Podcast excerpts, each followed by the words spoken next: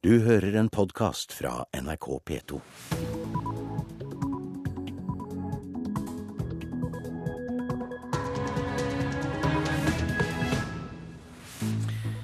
Øystein Heggen ønsker deg velkommen til Nyhetsmorgen. Når klokka er 6.30 onsdag 3. april har vi disse overskriftene. KrF advarer mot regjeringens forslag om å senke terskelen for at barnevernet kan ta barn fra foreldre. Vi må som samfunn da være helt sikre på at vi kan gi de ungene et bedre tilbud når vi skal gå til et så drastisk inngrep i menneskers liv. Øyvind Håbrekke, stortingsrepresentant for Kristelig Folkeparti. Regjeringen må hjelpe Troms etter snøskredene, sier fylkesråd. Ønsker nasjonalt ulykkesfond. Tallet på drukningsulykker øker igjen etter flere år med nedgang. Og USAs utenriksminister reagerer på trusler fra Nord-Korea, lover å forsvare Sør-Korea. The United States will defend and protect ourselves and our treaty ally, the Republic of Korea. Utenriksminister John Kerry.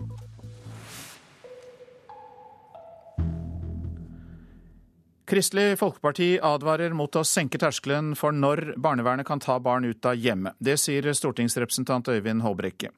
Barneministeren har varslet at eh, en skal legge mindre vekt på at barna skal vokse opp med sine biologiske foreldre. Men mange barn opplever svært ustabile liv med mye flytting etter at de er tatt ut av hjemmet, sier Håbrekke.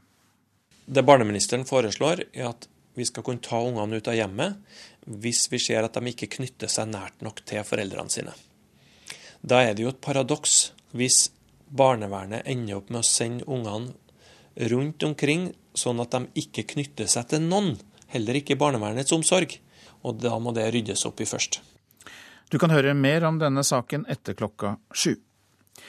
Det må bevilges mer penger til Troms som en følge av de mange snøskredene de siste åra. Det mener fylkesråd for samferdsel Terje Olsen. Snøskred påfører fylket og kommunen store ekstrautgifter i forbindelse med oppryddingsarbeid og alternativ transport. Olsen vil ha på plass et nasjonalt fond som kan dekke de ekstra utgiftene som kommer som følge av snøskred. Setter jo alle etatene i, i vårt tilfelle i Troms i en utfordrende situasjon å sette inn alternativ transport. Det med å få forsyninger, få folk fram. Og i neste runde også det med opprydding, som jo vi vet eh, blir en utfordring når man kan starte det, når det er trygt nok til det. Fylkesråd for samferdsel i Troms, Terje Olsen, mener at det burde vært etablert et nasjonalt fond for å dekke opp alle kostnadene som oppstår ved ulykker, og at regjeringa bør ta regninga. Hvis ikke frykter han å måtte kutte ekstra mye i et transporttilbud som allerede er sterkt pressa, og som kan slå ekstra dårlig ut hvis det skjer flere ulykker. Man kan risikere at eh, drift og vedlikehold, altså brøyting, skraping, og også sommervedlikeholdet må, må det reduseres på. Både ordførerne i Berg og Lenvik kommune, hvor det har gått både snøskred og vært evakueringer, støtter Olsens forslag. Regjeringa tar sitt ansvar og tilfører de midlene som fylkeskommunen trenger. Det er jo dem som har oversikt over, over de kostnadene dette medfører. Men eh, det må være sånn at de kommunene som eh, kommer i ulykka, får den hjelpa som, eh, som trengs. Ordfører i Berg kommune, Guttorm Nergård, hørte du til slutt der, og reporter Rune Eian. Hittil i år har tolv mennesker druknet her i landet. Det er fire flere enn i fjor. Og Jon Halvorsen i Norsk Folkehjelp, dere frykter at drukningstallene igjen skal øke etter flere år med nedgang. Men hvorfor mener dere at disse tallene fra i år eh, viser det og er så alarmerende? Det vi har sett eh, i år, det er en eh, økning de siste ukene i hendelser på is Folk har gått gjennom isen. Det er både unger, det er folk etter snøscooterulykker. Og tolv drukningsdødsfall er jo ufattelig tragisk. Og det er faktisk en økning. I fjor hadde vi åtte på samme tid. Når vi på en måte har summert opp første kvartal med drukningstall. Og eh, det er vi bekymra for.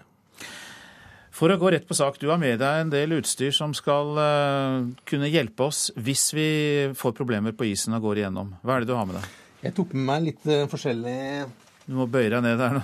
Sikkerhetsutstyr. Ja.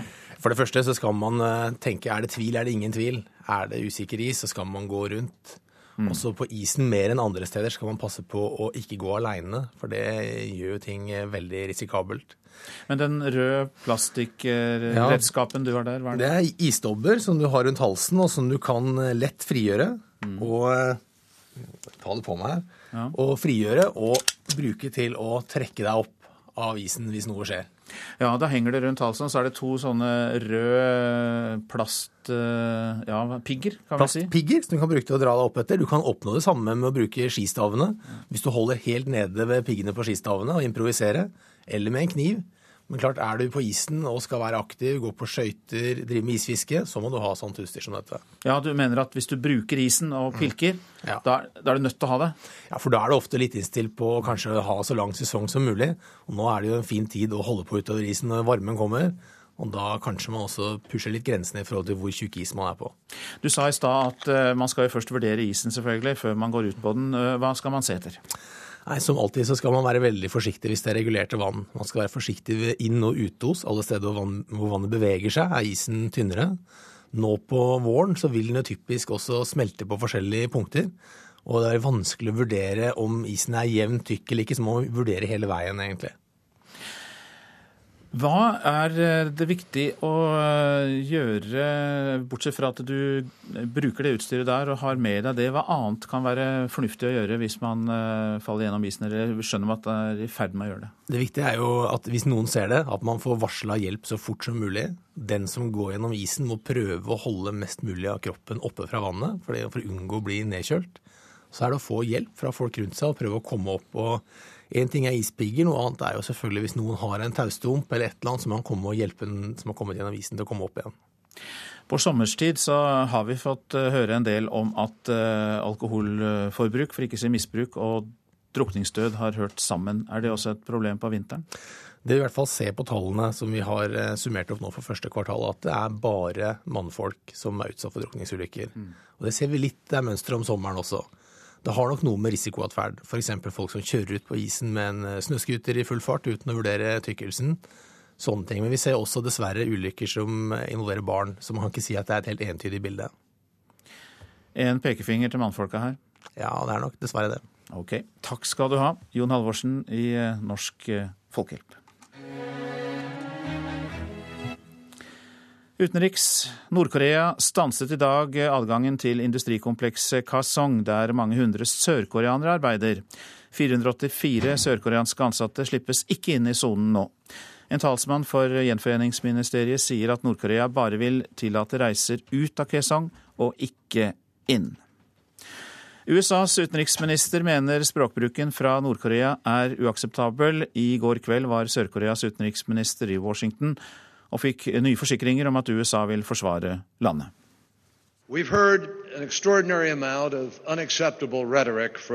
Utenriksminister John Kerry gjør det klart at USA er lei av den krigerske retorikken fra Nord-Korea, So let me be perfectly clear here today. og svarer at Pyongyang ikke må være i tvil om at USA står klare til å forsvare sine allierte i regionen.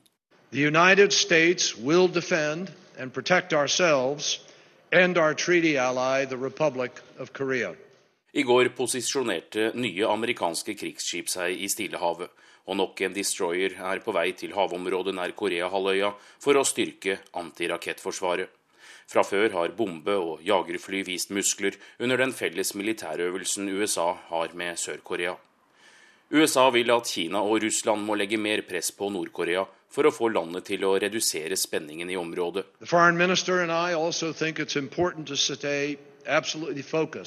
Med sin sørkoreanske kollega ved sin side sa utenriksminister John Kerry her i går at USA vil ha en atomfri Koreahalvøy. And we agree that improved relations between North and South would ultimately help to move us towards that goal. Kerry kaller også kunngjøringen fra Nord-Korea om å gjenåpne et atomkraftverk som provoserende og farlig.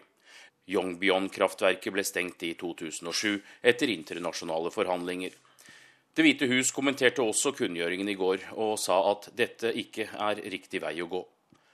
Om halvannen uke reiser John Kerry til Sør-Korea. Amerikanerne tar truslene fra Nord-Korea på alvor, men er samtidig vant til at krigsretorikken øker når nord vil ha forhandlinger eller militærøvelser pågår i sør.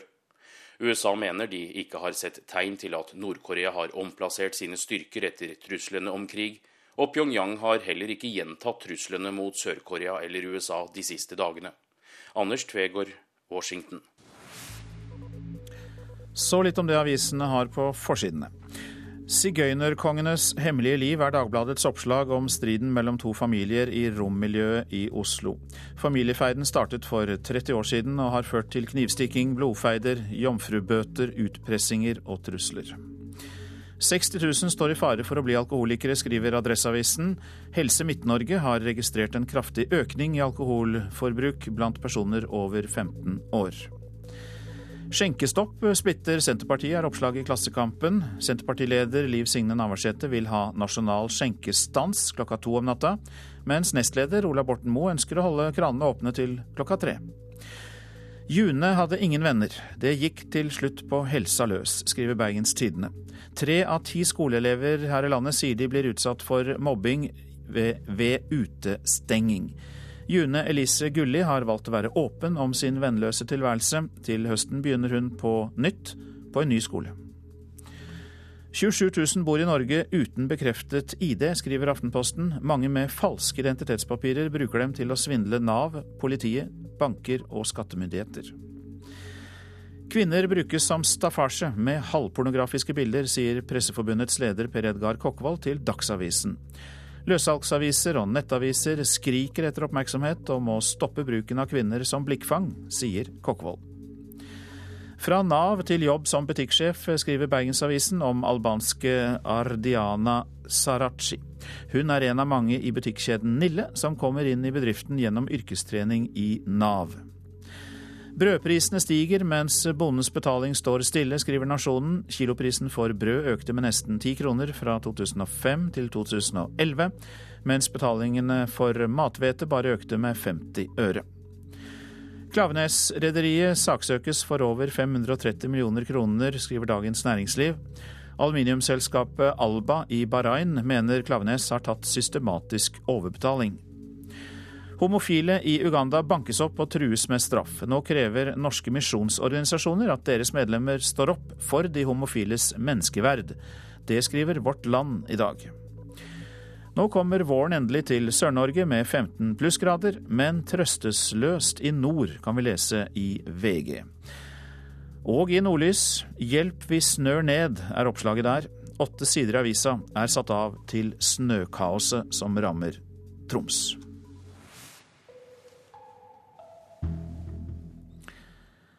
Vålerenga tok det første stikket i norgesmesterskapet i ishockey med 5-1 over Stavanger Oilers på Jordal Amfi i går. Men det skal spilles sju kamper om NM-gullet, så dette er ikke avgjort. Men VIF-trener Espen Sjampo Knutsen var storfornøyd etter første kamp. Veldig fornøyd. Vi gjennomfører en eh, knallmatch og vi vinner veldig fortjent etter 60 minutter, så det var gøy. Stavanger Oilers var sjanseløse mot Sjampos gutter på Jordal Amfi i går kveld. Allerede etter to perioder var dette kjørt. Da var ledelsen 5-0. Er hvordan vi gjennomfører at vi slipper til så lite sjanser bakover. og Vi skårer fem mål mot, uh, mot Stavanger. Det er sterkt. Uh, vi kontrollerer veldig, syns jeg, i, i 60 minutter. og Alle bidro i dag. Det var ikke bare én rekke. Den andre NM-finalen spilles i Stavanger på torsdag. Første og andre periode var årsbeste av Vålerenga i går, men dette kan fort snu. Det spiller jo ikke rolle hvor mye du vinner, sånn som vi vinner 5-1 i dag. Det er 1-0 i kamper til oss, og nå skal vi til Stavanger. og Ryker vi der, så er vi tilbake på null igjen. Så det, det gjelder å prøve å vinne en bortematch òg. Oilers-trener Petter Thoresen var betenkt etter kampen, men det gjelder å komme opp på et bedre nivå på hjemmebane i morgen kveld. Nei, altså vi må jo bare Vi må hjem, og så må vi sørge for å vinne neste kamp. og det det har vi en evne til å være flinke til. og legge ting bak oss, selv om eh, Eller da det går dårlig, og da det går bra, så er vi flinke til det. Så det, jeg er ikke bekymra at vi taper én kamp på Jordal. Mm. For jeg tror faktisk vi har sjanse til å vinne én kamp på Jordal, men vi må sørge for nå å vinne hjemmekampen vår nå. Og det var reporter Pål Thomassen som fulgte ishockeykampen. Dette er Nyhetsmorgen, og klokka den nærmer seg kvart på sju. Vi har disse hovedsakene. KrF advarer mot regjeringens forslag om å senke terskelen for at barnevernet kan ta barn fra foreldre. Regjeringen må hjelpe Troms etter snøskredene, sier fylkesråd, ønsker seg nasjonalt ulykkesfond. Elisabeth Skarsbø Moen bruker VG som reklameplakat for å selge egen bok om Ola Borten Moe. Ja, det mener Senterpartiet. Mer om dette om få minutter. Men først om en annen bok. Velkommen til deg, Mala Wang Naven. Tusen takk. Du er journalist og forfatter. I morgen kommer din bok om surrogati, den globale baby. Og du har dratt til eh, India. Hva møtte deg der? Der møtte det en, meg en virkelighet som eh, jeg ikke var helt forberedt på. Jeg, ut fra debatten her hjemme så trodde jeg at jeg hadde et eh, et ganske pålitelig inntrykk av hvordan surrogatene hadde det i India, men eh, der, eh, der, der ble jeg grundig overrasket. Det får vi lese om i boka. Og hva var de største overraskelsene? En av de største overraskelsene var eh, hvor bevisste de var på det de gjorde, og hvor stolte de var av det. De følte at de bidro til familieøkonomien på en veldig veldig eh, altså bærekraftig måte da, for dem. Eh, det, de tjente på ni måneder mer penger enn ektemennene ville gjøre på mange år. Eh, og det var, et, eh, det var, et, bidrag til familieøkonomien som virkelig kunne løfte, gi dem et løft. Da. Hvem er disse surrogatmødrene? Det er, eh, det er, fattige indiske kvinner. Så det inntrykket folk har der, er riktig. Men det er ikke de aller fattigste. Det er ikke kvinnene som bor under bruer og på, på gata. Det er det ikke. Det er lavere og lavere eh, Ja, virkelig det laveste sjiktet av middelklassen, da, som gjerne ønsker å tjene litt, tjene litt ekstra. Men hvor godt blir det ivaretatt? For her trenger man jo både fysisk og psykisk eh, omsorg. Ja, Det apparatet er ikke godt nok. Det så jeg med mine egne øyne. At eh, de ble behandlet eh, ganske dårlig. Eh, det var forskjell på hvem, eh, hvem, som fikk goodwill hos eh, legene. Og det, det, var helt klart at innenfor disse hjemmene da, hvor de surrogatene bodde, så var det et hierarki. Har du endret syn gjennom arbeidet med denne boka? Ja. Jeg trodde at jeg kom til å gå, til, eh, gå ut av eh, disse, denne researchfasen og denne bokskrivingen med et ganske negativt syn på surrogati. Men jeg, er, jeg, har endt opp med, som veldig mange andre som forsker på surrogati, ender opp med å bli altså, positive til det. Men det er med ganske mange forbehold. Jeg tror at kvinner kan hjelpe andre kvinner til å bli mødre. Men for, og at grunntanken er veldig god og fin og har noe vakkert ved seg. Men dessverre så er det veldig mange som ønsker å profitere på det også. Men hvis vi da etter hvert skal eh, godta det, hvilke tiltak må settes inn for å rydde opp i dette systemet? Jeg tror nok Norge må ha et veldig godt samarbeid med India. Og det, kan, det samarbeidet må innledes med de betingelsene at det er et, noen utvalgte toppklinikker som får lov til å uh, gjøre dette for norske eh, infertile par. Uh, og at man har full kontroll over klinikkens virke. Og at man har gode, gode organisasjoner som ivaretar surrogatmødrenes rettigheter. Nå er det jo lagt fram en eh, lovendring på dette området. Det er jo en slags liberalisering. Man skal kunne bruke surrogati i utlandet, men det blir ikke lov i Norge. Hva syns du om konsekvensen i den lovendringen? Jeg syns også det er riktig at man ikke skal straffeforfølge foreldre som reiser til utlandet for å få barn på denne måten. De er i en veldig sårbar situasjon. Eh, men man skal også være bevisst på at de går inn i en eh, slags eh, industri i India som har, eh, har ganske, ganske, mange kyniske trekk. Da. Så vi må være bevisste på dette. Nå ser vi at i Sverige så er det en oppmykning på gang. Man har begynt å diskutere altruistisk surrogati.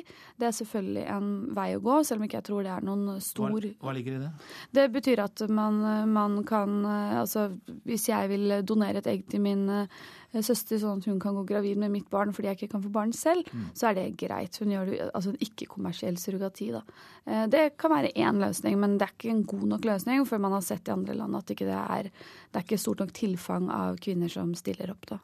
Men forslaget i denne loven går jo på at man ikke skal tillate det i Norge. Hva syns du om eh, det inkonsekvente her? Kan man jo tro at det er greit hvis man gjør det i utlandet, men ikke her?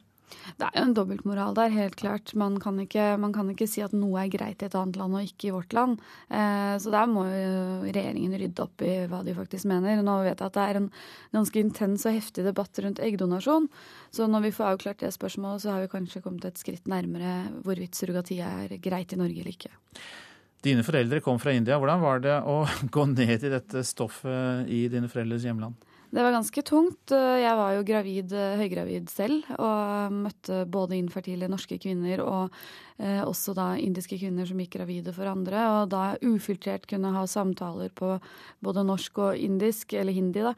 Eh, det var, det gikk det var, Jeg beskriver en ganske tøff reise personlig også. Boka kommer i morgen. Det gjør den. Takk skal du ha, Mala Wang Naven, boka om den globale baby. Og så om en annen bok som vi allerede har forhåndsannonsert eh, i sin spalte i VG. Helg omtalte Elisabeth Skarsbø Moen sist helg Det indre liv i Senterpartiet. Og det var en ren reklameplakat for Moens bok om Ola Borten Moe, mener Senterpartiets medierådgiver Karsten Lier. Han sier spalten i VG sist helg bryter med pressens etiske regler i Vær varsom-plakaten. Skarsbø Moen har tilsynelatende fått anledning til å bruke VG som en salgsplakat for, for sin egen bok, som er et, et kommersielt produkt. Medierådgiver i Senterpartiet Karsten Lier mener VGs debattredaktør bruker avisen til å selge sin egen bok. I dag lanserer Elisabeth Skarsbø Moen bok om Senterpartileder Ola Borten Moe. Og i helgen skrev hun kommentar om Senterpartiets indre liv i VG Helg. Jeg syns det rammer Elisabeth Skarsbø Moens eh, integritet som, eh, som debattleder i, i, VG. Det jeg reagerer på, det er jo rent presseetisk og i henhold til Vær varsom-plakaten hvordan boka eh, profileres og markedsføres på forhånd gjennom Skarsbø Moens debattforum i VG. Lier har forståelse for at VG skriver nyhetsartikler om boken. Og selv om boken ikke er nevnt med navn i Elisabeth Skarsbø Moens kommentar, mener han redaktøren blander sine roller. Han reagerer på at hun linket til både boken og kommentarartikkelen om Senterpartiet på sosiale medier i helgen. Dersom Fredrik Skavlan hadde skrevet en uautorisert biografi eh, om en person på fritida, eh, og dratt eh, produktet, boka, inn i beste sendetid på NRK fredag kveld, så er jeg sikker på at VG ville fokusert på og, og, og satt et kritisk fokus på at da Skavlan får millionreklame for egen bok i beste sendetid. I spalten 'Pølser og politikk' i VG Helg er det ikke ett eneste ord om boka. Det sier redaktør for VG Helg, Jane Tronsen. Hun synes kritikken er underlig. Men Det virker ikke som om Senterpartiet er veldig glad for at boka kommer, og i hvert fall ikke nå opp mot uh, landsmøtet, hvor som man selv skriver, hvor det er samla 60 journalister på ett sted. Forfatteren av portrettboken, Elisabeth Skarsbø Moen, mener hun ikke bruker avisen for å selge sin egen bok. VG vil ikke la meg bruke VG. Eh, VG har bestemt publiseringstidspunkt for sakene, f.eks. Hva stoff de ønsker for boka, har VG tatt, uh, tatt selv et eget valg på. Jeg er jo en journalist som driver med meninger. Sånn at uh, det jeg mener, kommer jo tydelig fram både i spaltene, i sosiale medier og i den boka jeg skriver. Men det er likevel slik at jeg må forholde meg til objektive verktøy og regler for hva som er journalistikk. Så det handler om den rollen som, som hva en journalist er i dag. Det er kanskje ikke det Karsten Lier helt har forstått, da, hva den moderne journalisten er i dag. Han har en, eller hun har en identitet som er digital, ofte. Deler sitt eget medium eh, med egne saker på den måten. Og, og bygger seg opp en personlighet eh, rundt eh, de sakene den jobber med. Reporter Eirin Venås Sivertsen og eh, politisk journalist Per Arne Bjerke. Vi gir oss ikke med dette, for i Politisk kvarter så kommer hovedpersonen selv. Ja, Ola Borten Moe kommer hit om en eh, snau time. Han har hittil avslått å kommentere boka. Så får vi høre om han har noe mer å si i Politisk kvarter. Fredag åpner også Senterpartiets landsmøte, og etter åtte år i regjering har partiet en oppslutning på bare 4,8 ifølge et gjennomsnitt av målingene. Hvordan har nestleder Borten Moe tenkt å få partiet på offensiven, og hvor er det egentlig blitt av sentrum etter at hans parti har låst seg til venstresiden, mens KrF og Venstre har gått til høyre? Og så blir det debatt om barnevernet. Regjeringen foreslår å gjøre det enklere for barnevernet å ta ungene fra foreldrene. Det liker ikke KrF. I Politisk kvarter kvart på åtte. I går gikk søknadsfristen ut for å søke om å lage statuen av den dansk-norske kongen Christian Fredrik. Ifølge organisasjonen Kunst i offentlig rom har over 30 kunstnere søkt om å få lage statuen, som etter planen skal stå ferdig til grunnlovsjubileet neste år. Per Ung er en av de håpefulle. Hjemme i atelieret sitt i Oslo står Per Ung med ei vasspumpe i hendene og sprayer vann på sitt siste verk. En over to meter høy skulptur av en naken Edvard Munch. Så har jeg jo masse stillaser som jeg må flytte på for å komme opp på eh, høydene her. For Munch-statuen er stor, og det samme kan sies om ambisjonene til Ung. Kunstneren er en av over 30 søkere som nå har søkt om å få lage statuen av kong Christian Fredrik, som etter planen skal stå ferdig til grunnlovsjubileet neste år. I går gikk søknadsfristen for oppdraget ut, og Ung har alt begynt å danne seg et bilde av en mulig skulptur. Jeg vet jo noenlunde at det skal forestille Christian Fredrik, Og at jeg vil lage ham i uniform og alt det der. Det regner jeg med. Vi vil neppe lage ham naken, som jeg har laget Edvard Munch, da, men Om det blir Per Ung eller en av de over 30 andre søkerne som får det ærefulle oppdraget, er det en jury bestående av Per Kristian Foss, Lars Roar Langslet og tre kunstfaglige medlemmer som er innstilt fra Billedhuggerforeningen, som skal bestemme. Og Foss legger ikke skjul på hva juryen ser etter. Jeg tror det er to ting. Det ene er at uh, utkastet bør ligne litt på den daværende kong Christian Fredrik. Uh, og det annet er at uh, statuen skal stå på Eidsvolls plass, hvor den står i nærheten av to tidligere stortingspresidenter. Statuer som også er laget i de siste 20 årene. Men om statuen blir ferdig til 17. mai neste år, er derimot usikkert. Det er mye, veldig stor grad opp til billedkunstneren om han har, har arbeidstid ledig. Men det viktigste er kvaliteten fremfor alt foran datoen. I oktober i fjor mottok Koro et oppdrag fra Kulturdepartementet om å realisere et monument av Christian Fredrik. Koro satte tre kunstkonsulenter på saka.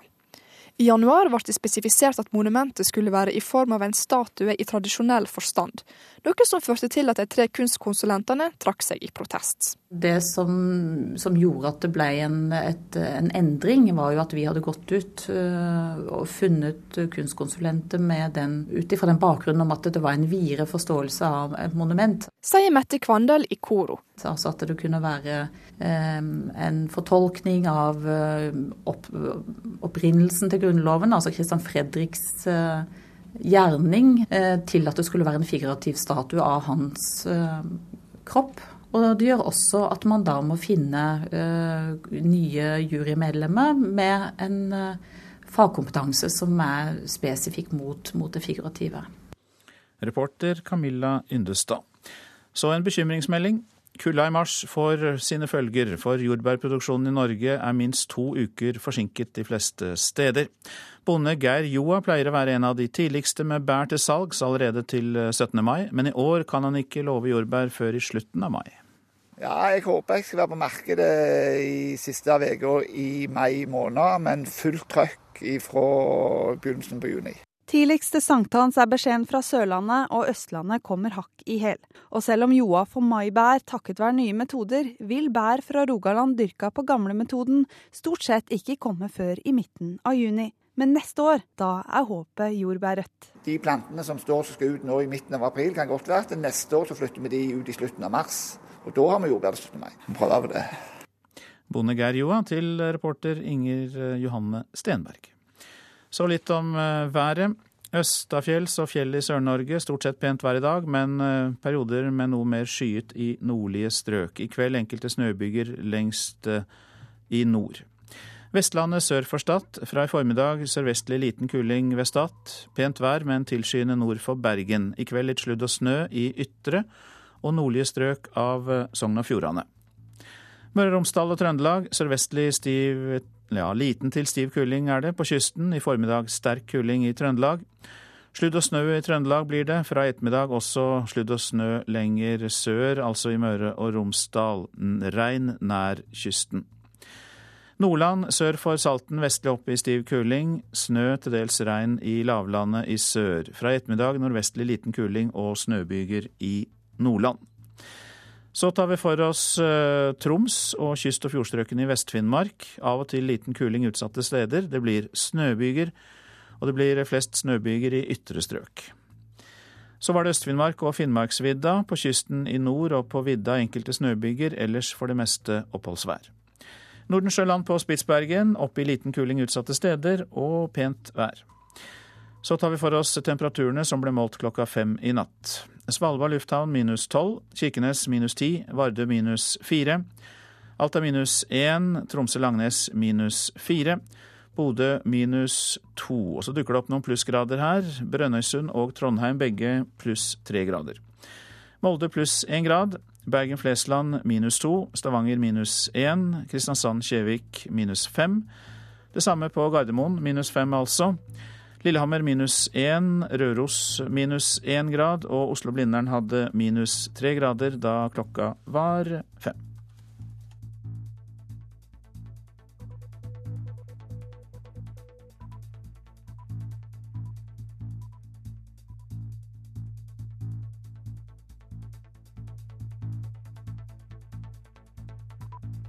Du hører en podkast fra NRK P2.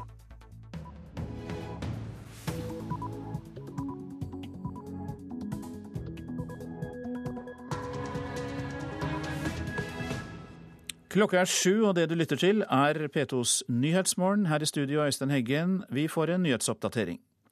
Noen steder i landet tar politiet mange sexkunder. Du er pågrepet sikta for uh, kjøp av seksuelle tjenester. Andre steder tar politiet svært få for sexkjøp. Det er stor forskjell på hvordan politidistriktene følger opp sexkjøpsloven. KrF advarer mot å senke terskelen for når barnevernet kan ta barn fra foreldre. Barneministeren vil at det skal bli enklere å ta barn fra ustabile hjem. KrFs Øyvind Håbrekke mener omsorgssituasjonen i barnevernet først må bli mer stabil med varige fosterhjem. For I dag har vi ikke oversikt over om ungene får det stabilt i barnevernet. Radikale islamister får mer innflytelse i den syriske opposisjonen. Utenriksminister Espen Barth Eide er bekymret, det skal vi også høre i denne sendingen. Og for første gang er det vedtatt en avtale som regulerer internasjonal våpenhandel. Det er strid om pelsdyr i Norge, som vi har hørt nå gjennom mange måneder, men det er en eksportsuksess i Danmark. Men der er det strengere regler for dyrevelferd. Og se, hun bider jo faktisk ikke. Hun snuser nesten mer enn hun bider. Strekker den lange halsen ja, det gjør hun. Etter danske regler har minkene mellom annet høy utenfor og leketøy og rennende vann inne i bura. Nyhetsmorgen. Det er stor variasjon i hvordan politiet håndhever forbudet mot sexkjøp her i landet. Mens Sør-Trøndelag politidistrikt anmeldte over 160 sexkjøp i fjor, var det bare 20 pågripelser i Rogaland. To menn går med raske skritt inn mot et hvitt trehus på Løten i Hedmark. På innsiden har en annen mann lagt lunsjpausen sin til en prostituert. Men gledestunden er kortvarig. De to sist ankomne er politispanere. Hei, hei politiet. Du er pågrepet sikta for uh, kjøp av seksuelle tjenester. Gå inn, du, Vina. Du har rett til å nekte å avgi forklaring til politiet. Du kan la deg bistå forsvaret på ethvert trinn av saken. En effektiv, men sjelden opptreden i mange politidistrikter. For tall fra Kripos viser at av de totalt 376 anmeldte sexkjøpssakene i fjor, står to distrikter alene bak hele to tredjedeler av sakene. Det er Oslo og Sør-Trøndelag. Og det er ikke fordi folk kjøper mer sex i Trondheim, sier politistasjonssjef der, Arve Nordtvedt. Nei, det vil jeg påstå det ikke. Men det handler jo om hvordan politiet velger å jobbe opp imot dette problemet. Da. Vi har, om ikke satsa, så har vi i hvert fall jobba eh, oppsøkende med en urofunksjon opp imot miljøet for å forebygge videreutvikling av eh, denne problematikken. I går fortalte Dagsrevyen om at prostitusjonen har økt, og spesielt utenfor Oslo. Fire år etter at det ble forbudt å kjøpe sex. Likevel har de fleste politidistriktene få pågripelser. Rogalandspolitiet har til sammenligning kun 20 saker, men over 400 prostituerte i byen.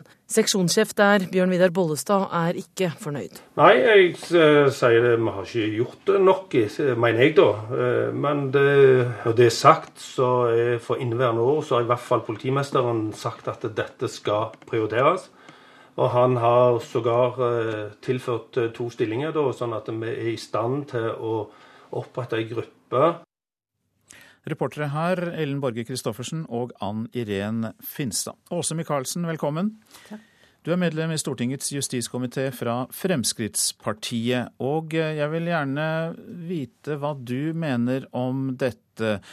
Hvorfor politiets håndtering av sexkjøploven varierer så mye? Ja, altså det, I et lite samfunn så vil en kanskje ha forventa at en hadde det litt mer transparent, sånn at en kunne ha sett det, hvor det foregår prostitusjon rundt forbi. Men det er vel kanskje et resultat av at eh, de store byene har hatt kanskje litt mer fokus på det. Ser jo hva som skjer i Oslo. Uh, og det betyr jo igjen at mange av disse prostituerte trekker ut i distriktene og små lokalmiljø. Hva mener du burde vært gjort for hvis man skulle fulgt opp loven bedre? Altså, Vi ønsker jo sånn sett eh, å reversere uh, loven. Og uh, da er det viktig å se den enkelte prostituerte, uh, ikke som en homogen gruppe, men den enkelte, hvordan den er. Vi har jo bl.a. norske prostituerte som er rusavhengige, som sånn sett er veldig avhengige av det. Vi har utenlandske prostituerte, som i dette tilfellet som dere rapporterer fra, uh, gir stor utfordring. Men der må vi i mye større grad kunne klare oss å ta bakmennene og følge pengestrømmen. Uh, gi disse jentene vitnebeskyttelse hvis de er villige til å, å, å vitne mot sine bakmenn osv. Så, videre, så, videre. så det er jo mange grep vi må kunne ta. Jeg skjønner at eh, dere vil ha fokus på andre ting, og ikke minst da eh, hjelpe prostituerte. Men eh, det betyr jo ikke nødvendigvis at man legger denne sexkjøploven til side og fjerner den? Nei, det gjør det jo ikke. For altså, vi vet jo at prostitusjon det har jo funnet sted altså, gjennom mange, mange, mange hundre år. Det har jo òg noe med holdning å gjøre, hvordan vi forholder oss til dette her. Og veldig mange får kanskje et ekstra kick og en ekstra spenning i at dette er forbudt. Det er noe en må tørre oss å si. Òg uh, at uh, uropatruljer, som politiet her også refererer til, det å være oppsøkende, det å vite hvor da eventuelt prostitusjon finner sted, det er en viktig, uh, viktig greie. En bevisstgjøring hos politiet til å sånn sett være uropatrulje. Men blir denne loven endret eller fjernet dersom, eh, dersom eh, Fremskrittspartiet kommer i regjering? Altså Både Høyre og Frp har jo sånn sett alltid vært imot. Vi stemte òg imot da denne loven ble vedtatt. Ikke for å ta den debatten for eller mot prostitusjon, for der er vi jo alle enige at dette er noe vi vil jobbe imot. Men at vi kanskje har andre virkemidler og andre verktøy som vi vil jobbe med. Men man kan jo også tenke seg at det tar litt tid før denne loven får satt seg, og at politiet får praksis, og at politidistriktene lærer av hverandre. Dessuten er det også sånn, du nevnte dette med holdninger, at loven kan jo også danne holdninger. Selvfølgelig kan han det, men jeg tror da må vi starte kanskje på en annen måte. Vi må starte mye tidligere. Jeg ser jo i dag i, i barn- og ungdomsmiljø i forhold til holdning til kropp og nettbruk osv. Dette må i mye større grad kanskje inn i skolene. Dette med nettvett og nettbruk i forhold til rolle og rollemodeller og kroppsfiksering. Og, ja, og det er en debatt. Den skal vi ta.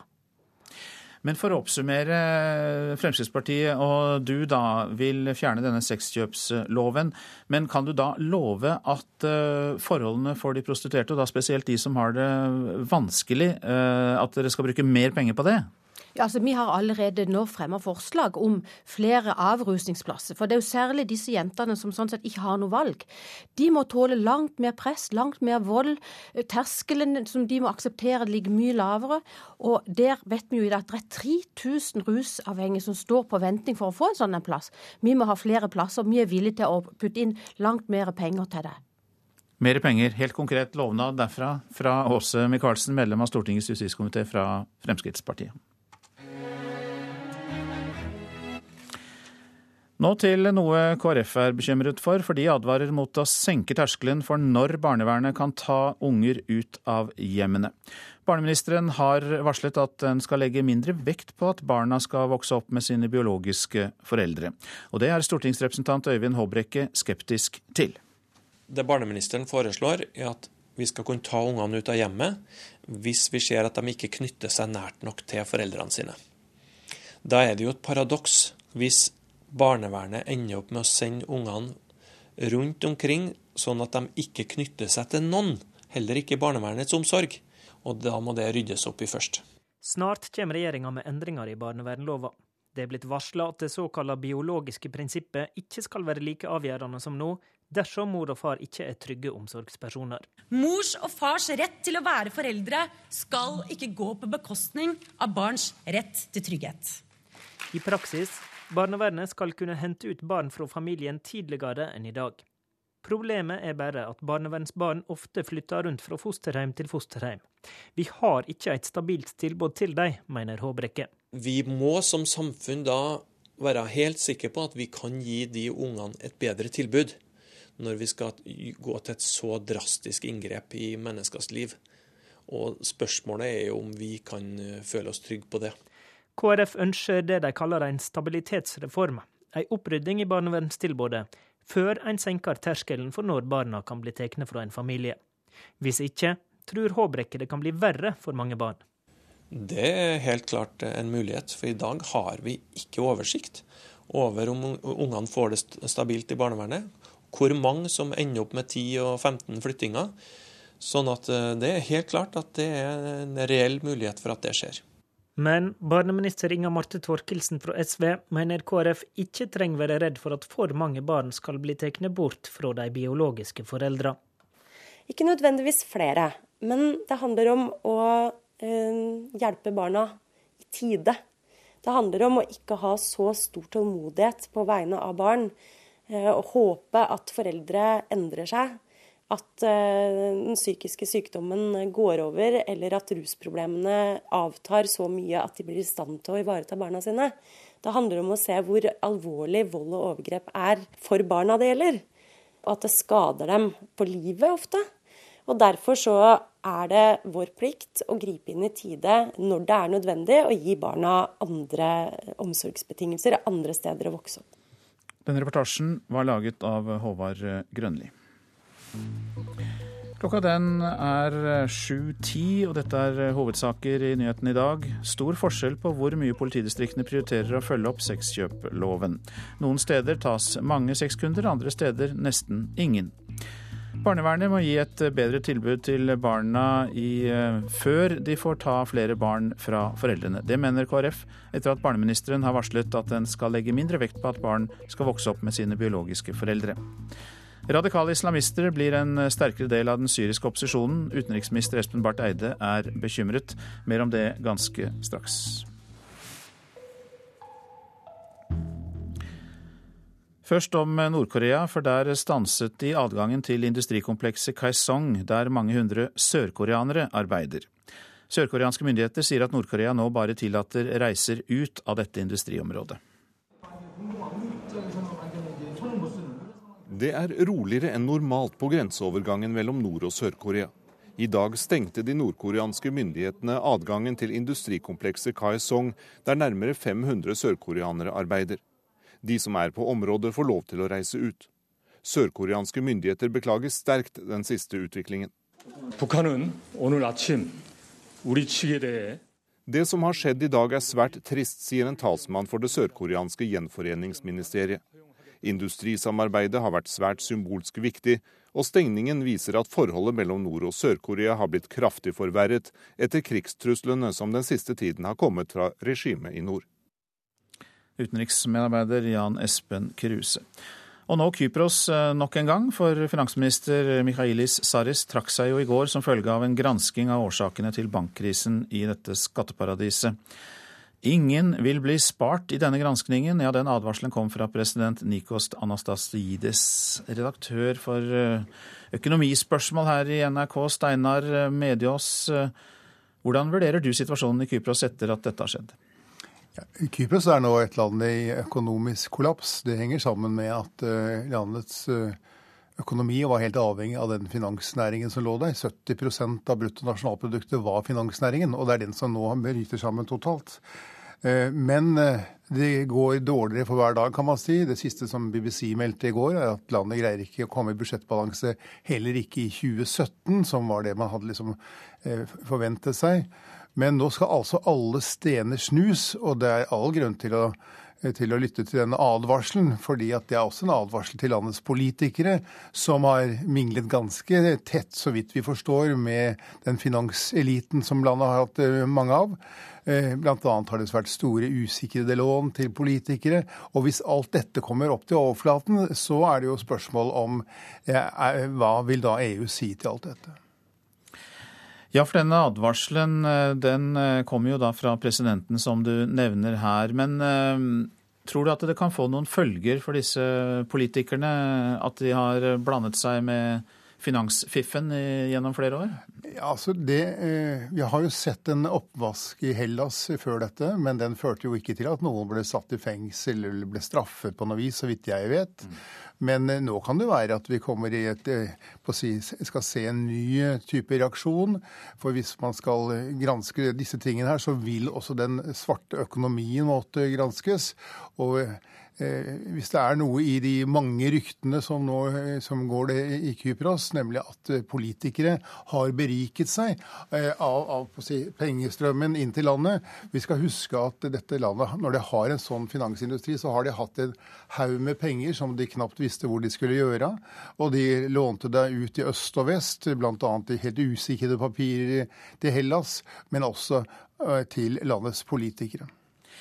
Ja, For at jeg skal forstå dette, det er jo da snakk om enorme beløp som er kommet inn til Kypros. Så da skulle man tro at de pengene de er der, men det er de altså ikke. For de er lånt videre de da til spekulasjonsobjekter og alt mulig rart. Så det er derfor, ja. derfor de er gått på dunken. De er gått på dunken fordi eh, når man låner 25 milliarder euro til Hellas, så kan man jo selvfølgelig le av dette i dag, det, men det norske oljefondet har jo i og for seg gjort noe av det samme. Eh, men, men eh, da er de pengene tapt. Eh, det så man på som sikre papirer i sin tid. Man så på dette som veldig gode investeringer med høy avkastning. Men nå vet jo alle fasiten på Hellas. De pengene kommer alle tilbake. Så når man sier 25 milliarder euro, det er mye selv for finansindustrien på Kypros. Og sånn har det pågått rund baut. De har altså på en måte vært et internasjonalt spillekasino hvor de har brukt innskyternes midler. Men det betyr jo også at landets innbyggere, de som eh, lever et lovlydig liv, har tapt enorme summer på dette. Så dette blir et oppgjør mellom eh, landets innbyggere og landets politikere. Og spørsmålet er jo i neste runde hva sier EU til dette? Da er, da er, Kypros fullstendig skadeskutt som skatteparadis, kanskje? At det ikke kommer til å være det noe mer i framtida? Ja, eh, Ja, jeg tror det er skadeskutt som et skatteparadis. EU eh, e har sagt at de er villige til å bidra med 10 milliarder euro, men de har satt som betingelse at landet selv kan reise opp 5 milliarder euro. Og hvis disse betingelsene som er satt til denne hjelpen, ikke kommer på plass, så er det et stort spørsmål om EU er villig til for, for, å si det sånn, prøve å redde noe spillekasino på Kypros. Det tror jeg ikke. Finnene har for lengst sagt nei. Jeg tror heller ikke tyske skattebetalere er noe særlig interessert i å støtte opp under eh, det som nå skjer på Kypros. På mange måter så blir dette et oppgjør internt også i EU og i eurosonen. Finnes det i det hele tatt noen minstemål for å være medlem i eurosonen? Kanskje minstemålet må settes eh, rundt eh, Kypros. For hvis det ikke finnes noe minstemål, så er det jo spørsmålet hva er i det hele tatt fremtiden til denne felles valutaen. Mange sier jo at eh, euroen er en politisk idé, og eh, den kan på mange måter ikke gå i oppløsning. Det handler ikke om økonomi, det handler om politikk. Jeg har hørt dette blitt sagt mange ganger. Men det er riktig at initiativet til euroen var politikk, men konsekvensene er økonomiske. Og noen må betale regninger, og det ser ikke ut til at den store lysten til å betale regningene til Kypros er stor i Nord-Europa. Takk skal du ha, økonomikommentator i NRK, Steinar eh, Medias. Utenriksminister Espen Barth Eide er bekymret for at eh, radikale islamister får mer innflytelse i den syriske opposisjonen. Han er på en rundreise i Midtøsten og er nå i Egypts hovedstad Kairo. Han sier også at det er stor frustrasjon over den internasjonale handlingslammelsen. Utenriksminister Espen Barth Eide kom i går kveld hit til Kairo og dro rett i møter. Først med generalsekretæren i Den arabiske liga, Nabil el-Arabi, deretter med spesialutsending til Syria for FN, Lakhdar Brahimi. Barth Eide sier det er dyp frustrasjon hos begge for at FNs sikkerhetsråd ikke kan enes om en handlingsplan for å stanse volden i Syria. Men den norske utenriksministeren er også bekymret for at islamistiske radikale grupper nå får mer innflytelse inne i Syria. Ja, Det er en betydelig bekymring. Og der er jo dessverre er erfaringen at uh, jo lenger en slik konflikt pågår, jo mer vil eh, hardlinere med ulike utgangspunkt uh, bli styrket. For det er ofte de folkene det er kanskje naturlig for oss å assosiere oss mest med, er de som først blir marginalisert når, når sånne prosesser drar ut. og Derfor er jo det nok et argument for at det er svært ille at dette bare får pågå måned etter måned, for det fører også til en radikalisering innen i hvert fall deler av opposisjonen. Nå er det jo også mange i mer moderate mennesker i opposisjonen som ser dette, og som forsøker å, å motvirke dette ved å finne fram til eh, med bredere plattformer.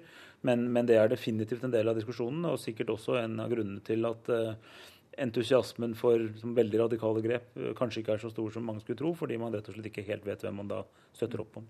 Men Er ikke det et argument for å gi mer aktiv støtte til de gruppene dere faktisk eh, kan assosiere dere med? Ja, nå har vi et uh, konkret uh, arbeid på gang. Altså, for det første støtter vi dem allerede. Uh, og det er også et arbeid nå med, gjennom vår spesialutsending for å se på ytterligere måter å støtte opp om opposisjonen på. Bl.a. knyttet til å bistå dem i å bygge lokal administrasjon i de områdene hvor de faktisk har makten. Det er et akutt behov. Barth Eide møter ikke denne syriske opposisjonen som har hovedsete her i Kairo under dette besøket. Moaz al-Khatib har gått av som leder for opposisjonen, men Barth Eide håper likevel han vil fortsette. Den syriske opposisjonen, som Norge anser som det syriske folks legitime representant, ble nylig gitt Syrias plass i Den arabiske liga. Barth Eide sier han forstår hvorfor det skjedde, men er usikker på hvor lurt det var. Så Dere oppfatter fortsatt Den arabiske liga som konstruktiv i å finne en løsning? Ikke, du syns ikke det har blitt for ensidig? Altså, det, det, er jo en del som kritiserer dem for å ha gått for langt i opposisjonsretning, men jeg mener at dette også er uttrykk for at man ikke lenger aksepterer at diktatorer kan gjøre hva de vil. Eh, så at det kommer fra Den arabiske liga er eh, interessant og, og, og, etter mitt syn også positivt. Men om det er taktisk lurt å gjøre dette akkurat nå, det er jeg ikke like sikker på. Mm. Mars har vært den dødeligste måneden i konflikten så langt, med rundt 6000 døde over 2000 av dem var sivile, ifølge organisasjonen Syrian Observatory for Human Rights. Sigurd Falkenberg Mikkelsen, Kairo. For første gang er det vedtatt en avtale som regulerer internasjonal våpenhandel. Forhandlingene brøt riktignok sammen før påske fordi Iran, Syria og Nord-Korea var imot, men eh, den blir altså vedtatt, eh, eller er vedtatt med 154 mot tre stemmer i FN. Generalsekretær i Amnesty, Jon Peder Egenes, dette er vel fantastiske nyheter? Ja, dette er eh, veldig, veldig gode nyheter. Det er eh, først og fremst gode nyheter for de hundretusenvis av mennesker som drepes hvert år med konvensjonelle våpen. Det er jo noen som sier at de virkelige masseødeleggelsesvåpnene vi har i verden i dag, det er pistoler og geværer.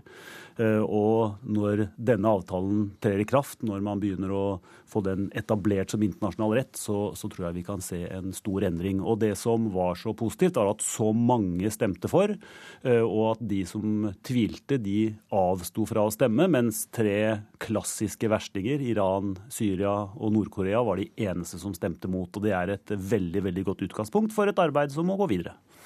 Ja, for jeg får jo en mistanke med en gang når så mange stemmer for at eh, denne avtalen kanskje ikke er så kraftig at du kan drive en masse våpenhandel innenfor disse rammene? Ja, altså denne avtalen er faktisk eh, Den blir jo aldri helt det Amnesty International ønsker seg. Vi vil alltid gå lenger. En kollega av meg sa vi sikta på stjernene og nådde månen, og månen er ganske langt unna den også.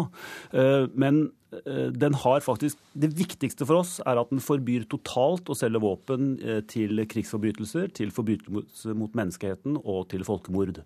Og så pålegger den alle stater å vurdere om de våpnene de selger, kan bidra til grove menneskerettighetsbrudd. Og hvis de mener at det er overhengende fare for det, skal de ikke selge dem i, til den situasjonen heller.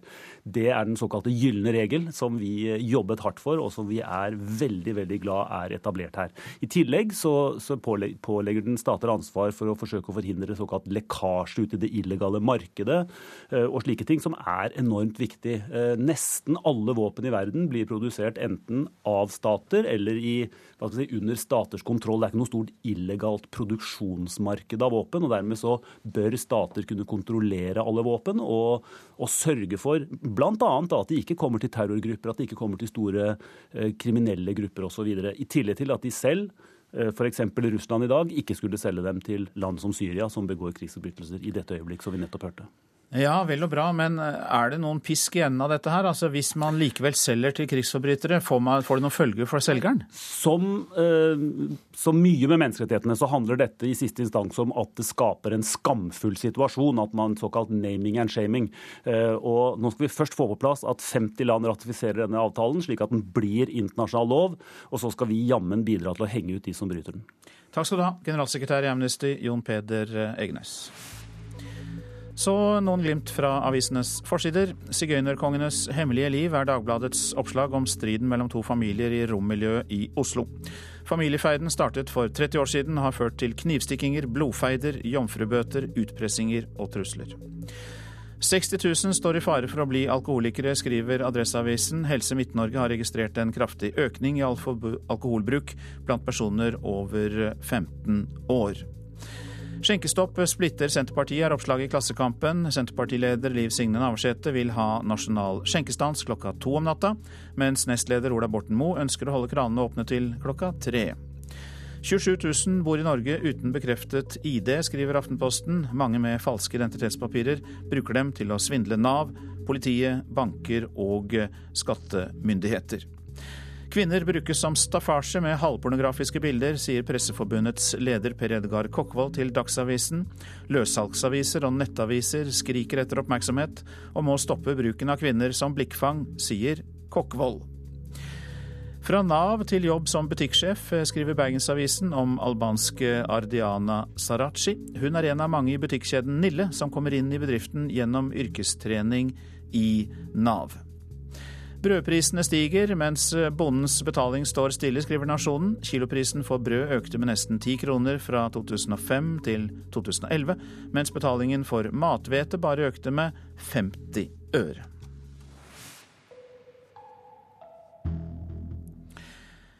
Mens eh, forbudet mot pelsdyravl er blitt heftig diskutert i Norge, som vi vet, så er det blitt en stor eksportsuksess i Danmark. Vi har besøkt verdens største pelsauksjonshus og en dansk minkfarm. Åpner jeg porten nå inn til den store minkhall som jeg har, og så går vi inn og kikker på dyrene. Vi er på vei inn til Anmona Kulsø Larsen sin minkfarm en time sør for København. Knehøye, knirkete plastposer på føttene skal hindre smittespredning. Innenfor døra venter 1500 tever eller hominker, i tillegg til hanner som blir brukt til paringer som snart skal i gang. Og her er det altså bur tett i tett. Yeah. Når en kommer sånn direkte inn fra København, kan de lange rekkene med bur med én og én mink inni virke noe overveldende. Men så legger en merke til at det er rolig i den 80 meter lange trehallen med naturlig lys fra taket og utetemperatur. Dyra kikker nysgjerrige fram fra bura. Ah, så du tar den ut også? Men jeg tar henne lige ut her, og så holder ja. jeg henne lige under maven.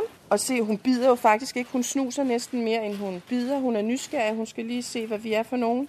Strekker den lange halsen Ja, det gjør hun. Etter danske regler har minkene mellom annet høy utenfor og leketøy og rennende vann inne i bura. Okay, så det løper i de... Anmona er tydeligvis glad i yrket sitt. Trivnad i bura og rett proteinrik mat som fisk og kyllingavfall har direkte påvirknad på kvaliteten av pelsen. Hun har åpen gard så alle kan komme og kikke, men kjenner òg på fordøming fra mange kanter. Det syns jeg det er opp av bakke. Det skal være så sort og hvitt alltid. Og derfor åpner jeg også min farm og lar folk komme inn og se det selv. Og høre dem. merke dem. At de er her, og at de er nysgjerrige. Jeg er helt vill med mine dyr. Vi solgte for helt nøyaktig 3,8 milliarder danske kroner på fem raske dager, og det var rekord. På Copenhagen Fur, som er et auksjonshus for 1500 minkavlere i Danmark, gleder de seg over utviklinga. På auksjonen i februar solgte de for 3,8 milliarder danske kroner, som var ny rekord. Direktør Torben Nilsen sier det er pelsmoten, økonomisk vekst i Kina og Russland og den lange, kalde sesongen i år som har påvirka salet. Kineserne er villige til å betale en betydelig overpris for de kvaliteter som vi produserer. Nilsen frykter ikke et forbud som i Norge, og sier industrien har stor oppbakning i Folketinget. Men det er ikke bare pga. veksten. Det er fordi ting går rett føre seg på minkfarmene, sier han. Det vil være nærmest være ubegrunnet, i hvert fall ut fra noen dyrevelferdsmessige årsaker. Altså presis det samme som i f.eks. Norge. Nilsen sier Norge har lang tradisjon med pels, og pelsdyravl i Rogaland er verdens nest beste. Men ulykka for industrien i Norge har vært at det har vært sett på som et middel i distriktspolitikken, og ikke ei selvstendig eksportnæring. Et eksporterhverv. Så potensialet er kjempestort i Norge. Han mener den norske pressa har vært for lite kritisk til dyrevernsorganisasjonene. Norge vil miste noe verdifullt, men de vil først og fremst jo miste sin uskyld hvis man av politiske årsaker forbyr et erhverv blott fordi at det er noen få aktivister der er manipulert med noen bilder. Men det finnes motstand i Danmark òg. Nylig protesterte 200 danskere på artisten Stings i hjemmeside da det var kjent at han skulle opptre i tivoli, som er sponsa av Copenhagen Fur. Kim Ege Møller, blogger på Jyllandsposten, undrer seg over hvorfor ikke dømes svineproduksjonen kommer under lignende kritikk. At de ikke bruger deres krefter der hvor man kunne gjøre en større innsats overfor bl.a. for høns og for griser og for kalver. Ege Møller mener pelsdyrbransjen lenge har vært for lukka, men han tror ikke på et forbud. Dels er det ikke politisk flertall for det, og dels vil det være meget dyrt. Det vil kreve en meget, meget stor dyrevelfærdsdiskusjon. Hold varmen. Hov, der, der var en lyd der. Hvilken type lyd er det? Gå vekk med jer. Jeg kan ikke lide jer. Gå med jer. Reporter i Danmark, Tove Gerhardsen. John F. Kennedys datter Caroline kan bli USAs neste ambassadør til Japan. Mer i reportasjen etter Dagsnytt. Olje- og energiminister Ola Borten Moe kommer til Politisk kvarter for å kommentere den omstridte boka om ham. Prosent for Nyhetsmorgen, Kari Bekken Larsen. Her i studio, Øystein Heggen. Og så er det det nye nettstedet for å høre radio, da. Radio NRK.no. Det kan trygt anbefales. Radio NRK.no. Du hører en podkast fra NRK P2. Jakten på sexkunder prioriteres forskjellig rundt om i landet. Nord-Korea trapper opp presset. Myndighetene har i morges stoppet flere hundre sørkoreanere på vei til jobb. KrF advarer mot å senke terskelen for når barnevernet kan ta barn ut av hjemmet sitt. Her er NRK Dagsnytt klokken 7.30.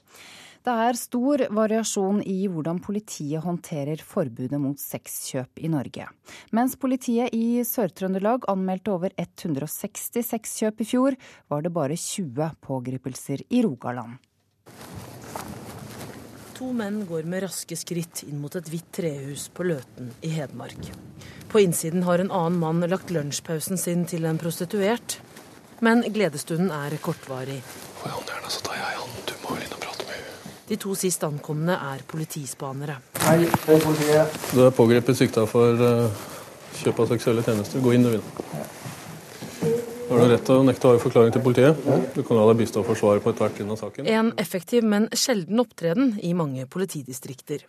For tall fra Kripos viser at av de totalt 376 anmeldte sexkjøpssakene i fjor, står to distrikter alene bak hele to tredjedeler av sakene. Det er Oslo og Sør-Trøndelag. Og det er ikke fordi folk kjøper mer sex i Trondheim, sier politistasjonssjef der, Arve Nordtvedt. Nei, Vi mener jo at den arbeidsformen vi bedriver da, gjennom oppsøkende urovirksomhet mot miljø, har en effekt i forhold til å forebygge eh, etablering av menneskehandel og, og gateprostitusjon og, og virksomhet som er regissert av bakmenn. I går fortalte Dagsrevyen om at prostitusjonen har økt, og spesielt utenfor Oslo. Fire år etter at det ble forbudt å kjøpe sex. Rogalandspolitiet har til sammenligning kun 20 saker, men over 400 prostituerte i byen. Seksjonssjef der, Bjørn Vidar Bollestad, er ikke fornøyd. Jeg uh, sier det, vi har ikke gjort nok, mener jeg da. Når det er sagt, så er for inneværende år så har i hvert fall politimesteren sagt at dette skal prioriteres. Og han har sågar tilført to stillinger, da, sånn at vi er i stand til å opprette ei gruppe. Reportere her var Ellen Borge Christoffersen og Ann Irén Finstad. Nord-Korea stanset i dag adgangen til industrikomplekset Kaesong, der mange hundre sørkoreanere arbeider. Sørkoreanske myndigheter sier at Nord-Korea nå bare tillater reiser ut av industriområdet. Det er roligere enn normalt på grenseovergangen mellom Nord- og Sør-Korea. I dag stengte de nordkoreanske myndighetene adgangen til industrikomplekset Kaesong, der nærmere 500 sørkoreanere arbeider. De som er på området, får lov til å reise ut. Sørkoreanske myndigheter beklager sterkt den siste utviklingen. Det som har skjedd i dag er svært trist, sier en talsmann for det sørkoreanske gjenforeningsministeriet. Industrisamarbeidet har vært svært symbolsk viktig, og stengningen viser at forholdet mellom Nord- og Sør-Korea har blitt kraftig forverret etter krigstruslene som den siste tiden har kommet fra regimet i nord. Det sa utenriksmedarbeider Jan Espen Kruse. Sør-Koreas forsvarsminister sier at landet kan sette inn militære styrker dersom sørkoreanere inne i Nord-Korea blir truet på livet. Og USAs utenriksminister John Kerry sier at krigstruslene fra Nord-Korea er helt uakseptable. Kerry sa dette da han møtte Sør-Koreas utenriksminister i Washington. Han fikk nye forsikringer fra Kerry om at USA kommer til å forsvare Sør-Korea dersom landet blir angrepet av naboen i nord. Utenriksminister Espen Barth Eide er bekymret for at radikale islamister får mer innflytelse i den syriske opposisjonen. Han er på en rundreise i Midtøsten nå. Barth Eide sier også at det er stor frustrasjon over det han kaller internasjonal handlingslammelse. Utenriksminister Espen Barth Eide kom i går kveld hit til Kairo og dro rett i møter. Først med generalsekretæren i Den arabiske liga, Nabil el-Arabi, deretter med spesialutsending til Syria for FN, Lakhdar Brahimi. Barth Eide sier det er dyp frustrasjon hos begge for at FNs sikkerhetsråd ikke kan enes om en handlingsplan for å stanse volden i Syria. Men den norske utenriksministeren er også bekymret for at islamistiske radikale grupper nå får mer innflytelse inne i Syria. Ja, Det er en betydelig bekymring. Og der er jo Dessverre er erfaringen at uh, jo lenger en slik konflikt pågår, jo mer vil eh, hardlinere med ulike utgangspunkt uh, bli styrket. For det er ofte de folkene det er kanskje naturlig for oss å assosiere oss mest med, er de som først blir marginalisert når, når sånne prosesser drar ut. og Derfor er jo det nok et argument for at det er svært ille at dette bare får pågå måned etter måned, for det fører også til en radikalisering innen i hvert fall deler av opposisjonen. Mars har vært den dødeligste måneden i konflikten så langt, med rundt 6000 døde. Over 2000 av dem var sivile, ifølge organisasjonen Syrian Observatory for Human Rights. Sigurd Falkenberg Mikkelsen, Kairo. Hjem igjen. KrF advarer mot å senke terskelen for når barnevernet kan ta barn ut av hjemmet. Barneministeren har varslet at man skal legge mindre vekt på at barn skal vokse opp med sine biologiske foreldre. Det er stortingsrepresentant Øyvind Håbrekke skeptisk til. Jeg oppfatter barneministeren helt klart eh, sånn at hun ønsker å senke terskelen for å ta unger ut av hjemmet. Snart kommer regjeringa med endringer i barnevernlova. Det er blitt varsla at det såkalla biologiske prinsippet ikke skal være like avgjørende som nå, dersom mor og far ikke er trygge omsorgspersoner. I praksis barnevernet skal kunne hente ut barn fra familien tidligere enn i dag. Problemet er bare at barnevernsbarn ofte flytter rundt fra fosterhjem til fosterhjem. Vi må som samfunn da være helt sikre på at vi kan gi de ungene et bedre tilbud, når vi skal gå til et så drastisk inngrep i menneskers liv. KrF ønsker det de kaller en stabilitetsreform, en opprydding i barnevernstilbudet, før en senker terskelen for når barna kan bli tatt fra en familie. Hvis ikke, tror Håbrekke det kan bli verre for mange barn. Det er helt klart en mulighet, for i dag har vi ikke oversikt over om ungene får det stabilt i barnevernet. Men barneminister Inga Marte Thorkildsen fra SV mener KrF ikke trenger være redd for at for mange barn skal bli tatt bort fra de biologiske foreldrene. Det handler om å se hvor alvorlig vold og overgrep er, og at det skader dem på livet ofte. Og Derfor så er det vår plikt å gripe inn i tide når det er nødvendig, og gi barna andre omsorgsbetingelser, andre steder å vokse opp. Reporter Håvard Grønli. Legevakten i Oslo skal ha et evalueringsmøte etter romoppgjøret på mandag. Om en halv time møtes ledelsen for å vurdere om rutinene ble fulgt, da to personer ble angrepet inne på selve legevakten. Det er klart det har vært sterke opplevelser og og det er ting som de har opplevd som vi skal gå gjennom i dag. Sier leder for legevakta Trond Morten Nejad Tronsen. Hans folk havna midt i et voldsomt romoppgjør andre påskedag. Det starta brutalt med revolvere, kniver og samuraisverd på Torshov bingo, og fortsatte da en blodig og hardt skada romleder kom inn på legevakta med et hissig følge publikum opplevde jo denne gangen her bl.a. at det var mye politi til stede på legevakten. så Sånn sett så har det vært en annerledes hendelse for det at den har vært mer synlig enn det vi som regel håndterer. I går kveld ble en person pågrepet og sikta for drapsforsøk på romlederen René Karoli etter oppgjøret på Torshov bingo. Operasjonsleder Svein Martin Ege vil ikke si hva som førte til pågripelsen. Vi har pågrepet en person. Utover det så kan vi ikke kommentere noe mer eh, av hensyn til etterforskninga. Ber om eh, forståelse for det. Det jeg kan si om selve pågripelsen, var at det var uten eh, dramatikk. Det skal være en mangeårig konflikt mellom to familier som er bakgrunnen for det store oppgjøret andre påskedag. Det sa reporter Kristine Svendsen. En person er funnet død etter en brann i en leilighet i Sandefjord. Naboer hørte smell og så flammer ut fra leiligheten, og varslet nødetatene i natt. Brannfolkene har gjennomsøkt boligen uten å finne flere omkomne.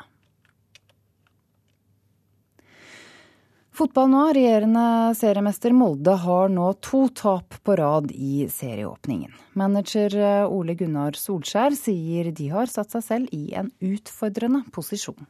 Det er selvfølgelig ikke en gunstig start. Vi, vi har gitt oss en, uh, sjøl en jobb å gjøre fremover. og det, Den regner med vi, vi bretter opp armene vi, og skal, skal ta utfordringene. vi. Til helga stenger overgangsvinduet, noe som betyr at de norske klubbene da ikke lenger kan handle inn nye spillere. Null poeng etter to kamper til tross. Molde-manageren har ingen planer om å dra på handletur de nærmeste dagene. Ikke noe hoderulling eller uh, krisemøter eller noe, nei. Det, sånn er fotball. at uh, du blir sparka i trynet noen gang, og du, du, er nødt til å reise deg opp. og du, Vi er nødt til å ha trua og eh, roa og til å fortsette sånn vi gjør nå. Reporter Rune Hustad. Ansvarlig for denne sendingen er Erik Ramberg. Teknisk ansvarlig Hanne Lunås. Jeg heter Ida Creed.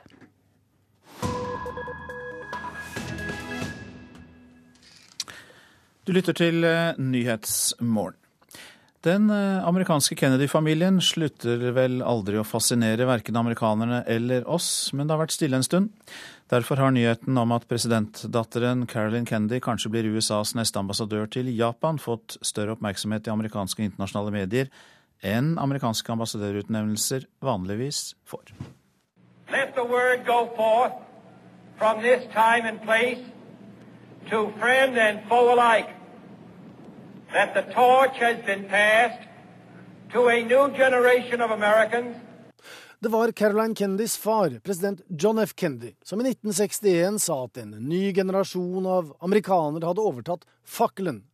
Og på et vis kan man si at dersom den 55 år gamle trebarnsmoren fra New York skulle bli USAs neste ambassadør i et så viktig land som Japan, så er det en ny generasjon av Kennedyer som har overtatt.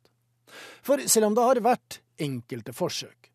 Generasjonen etter de tre brødrene John, Robert og Edward Kennedy har vært mer utsatt for uhell, ulykker og skandaler enn politisk og personlig suksess. Men hvis man skal tro amerikanske medier, så kommer det snart en diplomatisk utnevnelse. Det blir i så fall som takk for all støtte til Barack Obama, en mann hun i 2008 mente skapte noe av den samme entusiasmen som hennes far hadde gjort, og hun så det samme i fjor.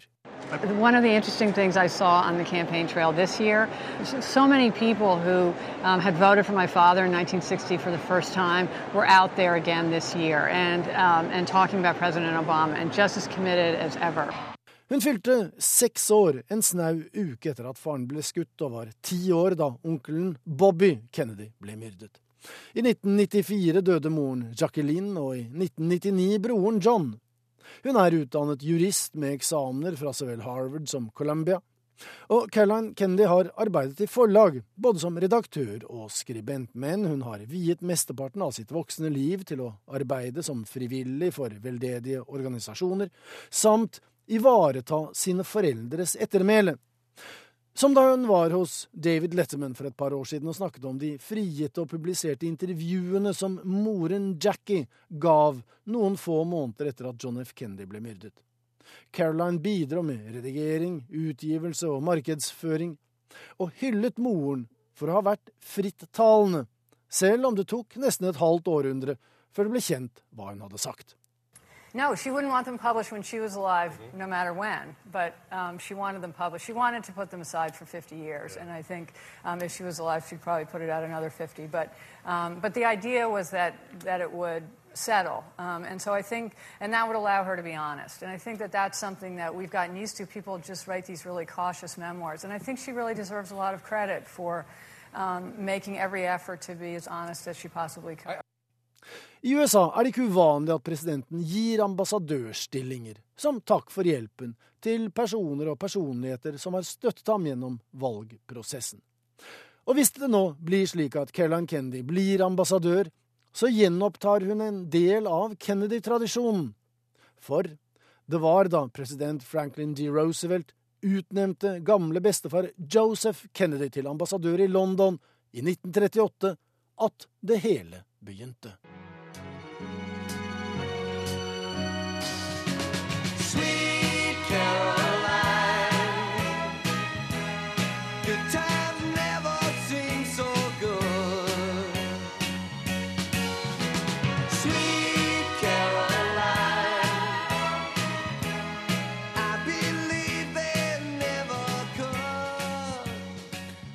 Sweet Caroline, som ifølge Neil Diamond selv ble skrevet etter inspirasjon fra nettopp Carolyn Kennedy i 1969, da hun var elleve år gammel.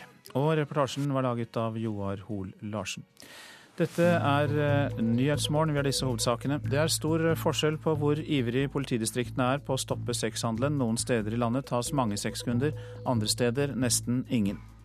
Barnevernet må gi et bedre tilbud til barn som er i deres omsorg, før barnevernet får lov til å ta flere barn fra foreldrene, mener Kristelig Folkeparti. Og regjeringen må hjelpe Troms fylke etter alle snøskredene. Fylkesråden for samferdsel etterlyser et nasjonalt ulykkesfond. Fredag åpner Senterpartiets landsmøte i Loen, og i dag kommer det en bok som partiledelsen neppe er glad for. Per Arne Bjerke. Hovedpersonen sitter her hos meg. Ola Borten Moe er gjest i Politisk kvarter. Og regjeringen vil gjøre det enklere for barnevern å ta ungene fra foreldrene. Dårlig forslag, mener KrF.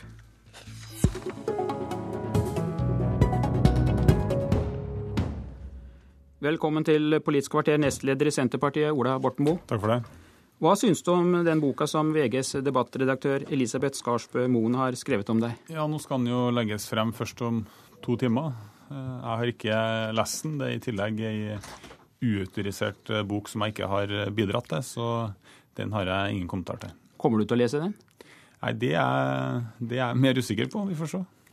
Det kommer jo ganske mange påstander om deg, da, som vi kan lese i avisene, bl.a. at du skal være et maktmenneske. Hvorfor vil du ikke kommentere dette? Ja, Som sagt, boka legges jo først eh, nå frem om to timer. og Det er jo umulig å kommentere et produkt man ikke har lest.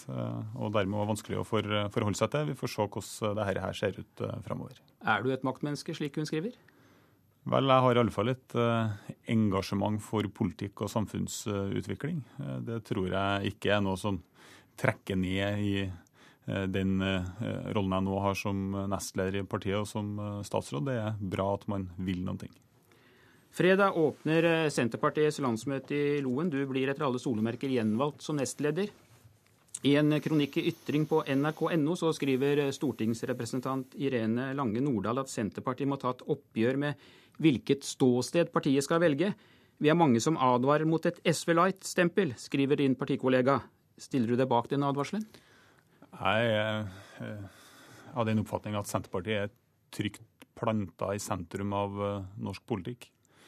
Eh, og det er, tror jeg, ingen grunn til å Eh, fremstille oss som at vi er et eh, annet parti. Vi sitter i regjering med andre partier.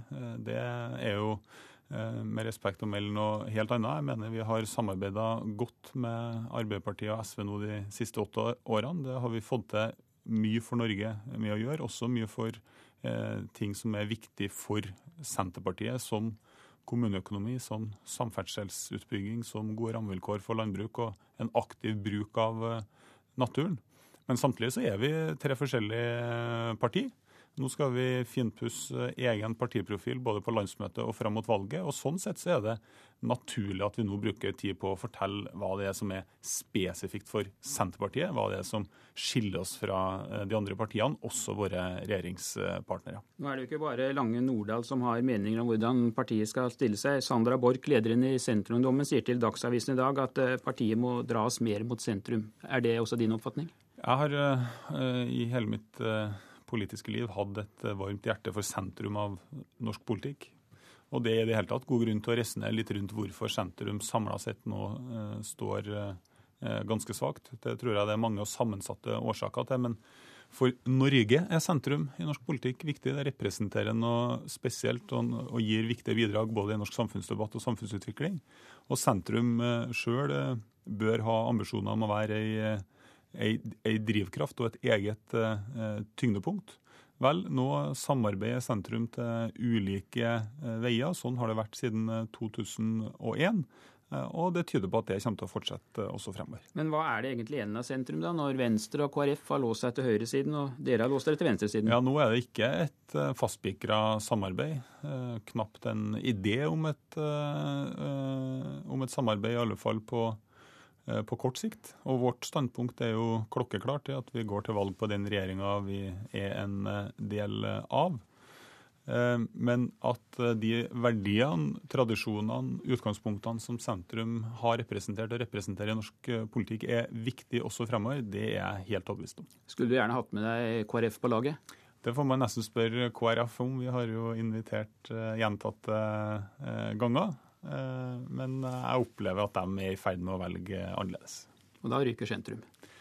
Altså, det her har jo vært eh, status quo, eller det her har jo vært fakta siden, eh, siden 2001, når sentrumsregjeringa eh, ikke lenger ble noen ting av. Så det er jo en situasjon som vi er godt vant med.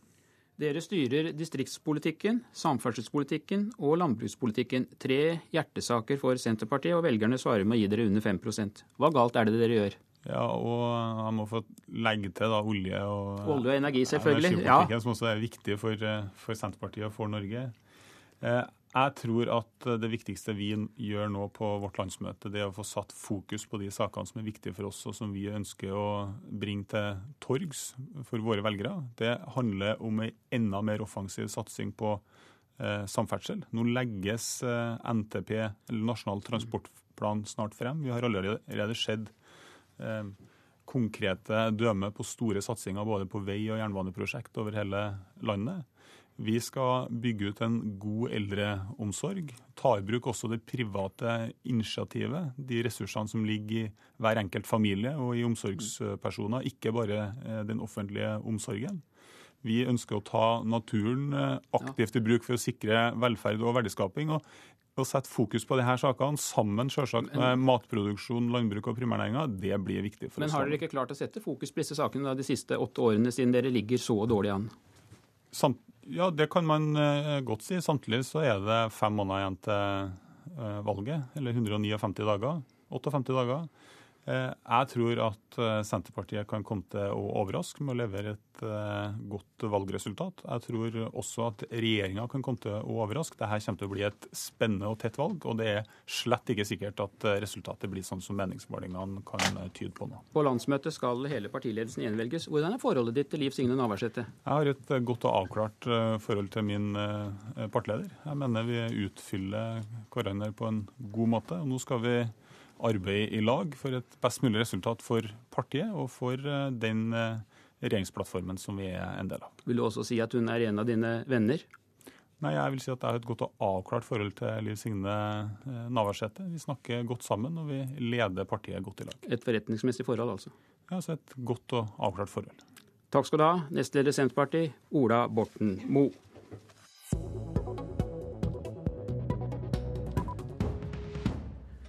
Fredag legger regjeringen frem meldingen om barnevernet.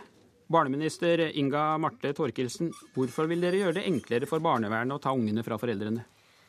Eh, la meg først si at eh, Målet vårt er jo at barna skal kunne være hjemme hos foreldrene sine. Eh, det er eh, stort sett det beste for barna.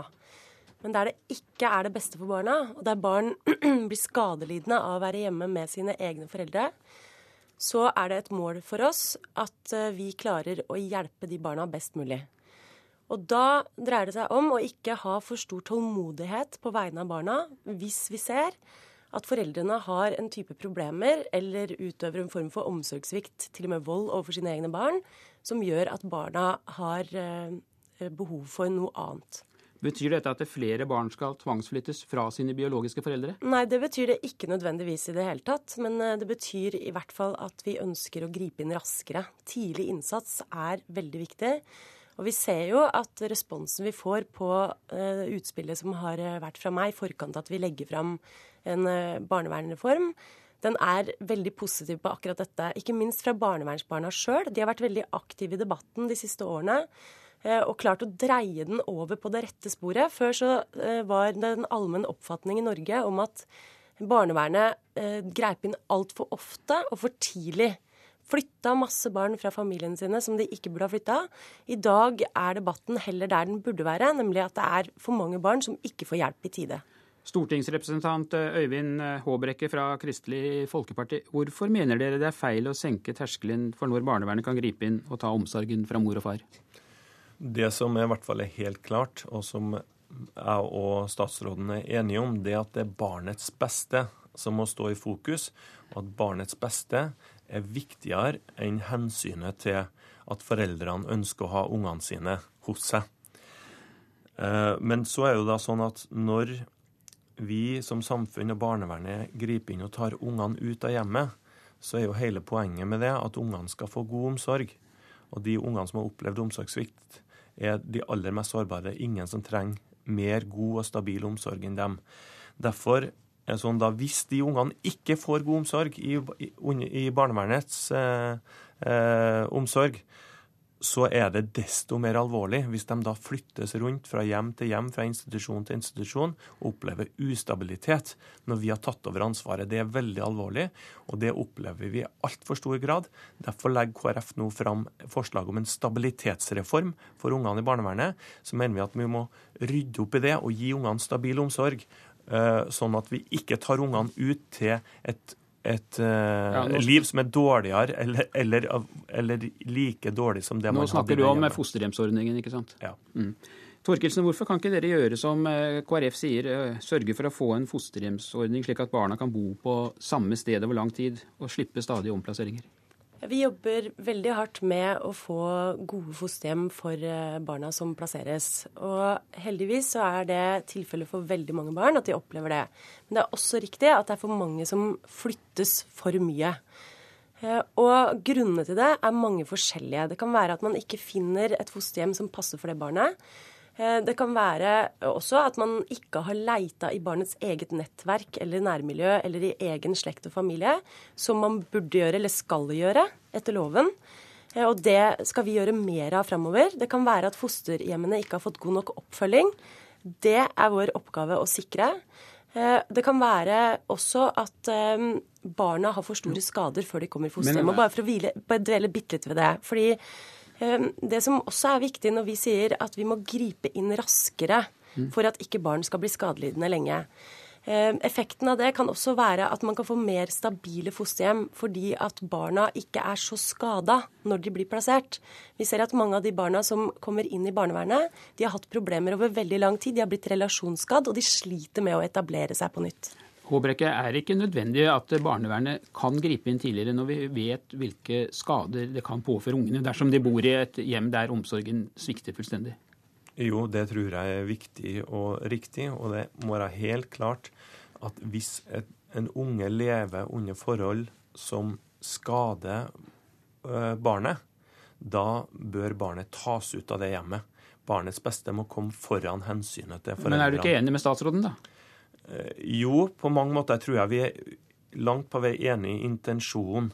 Men så er spørsmålet vi kan ikke bare snakke om hva vi skal ta ungene ut fra, men vi må snakke om hva vi skal flytte ungene til. Og det er det altfor lite fokus på. Og situasjonen i dag, den er at ungene flyttes rundt i så stor grad under barnevernets omsorg at faktisk, må si det så sterkt, at en del unger opplever ny omsorgssvikt i barnevernets eh, omsorg etter at man har tatt over omsorgen. Er klart at det er veldig alvorlig, og derfor må vi rydde opp i det. Derfor foreslår vi en stabilitetsreform som skal gi ungene langt mer eh, stabil omsorg i barnevernet. Og da er det lettere å gå inn på den diskusjonen som Inga Marte nå drar opp, om at eh, ungene må tas ut tidligere for å sikre dem en stabil og god utvikling og gi dem mulighet til å oppleve en god barndom. Torkelsen, kan ikke forholdene for ungene bli enda verre med det forslaget dere legger fram, dersom tilbudet i den andre enden svikter? Vi jobber alt vi kan for at tilbudet i den andre enden ikke skal svikte, og da er det mange ting som må være på plass. Men det kan ikke være sånn at fordi man ikke har et perfekt tilbud i den andre enden, så skal man la barn være stabilt under omsorgssvikt. Det går ikke. Eh, så det påhviler oss et ansvar både for å gripe inn i tide overfor barn som ikke har det bra der hvor de bor, og samtidig sørge for at de får et stabilt tilbud i den andre enden. Og bare for å ta ett eksempel på at vi nå gjør noe med det, i tillegg til at vi skal jobbe mye med fosterhjemmene også framover, så jobber vi nå med anbudspolitikken innenfor barnevernet, og hvor vi har gitt beskjed om at vi skal avvikle anbud for det ideelle barnevernet. Det handler nettopp om stabilitet, muligheten for at barn kan bli boende over lang tid, også i institusjoner. Håbrekke føler deg ikke trygg på at regjeringen klarer å følge opp med nødvendige tiltak, siden dere nå legger fram et eget forslag i Stortinget?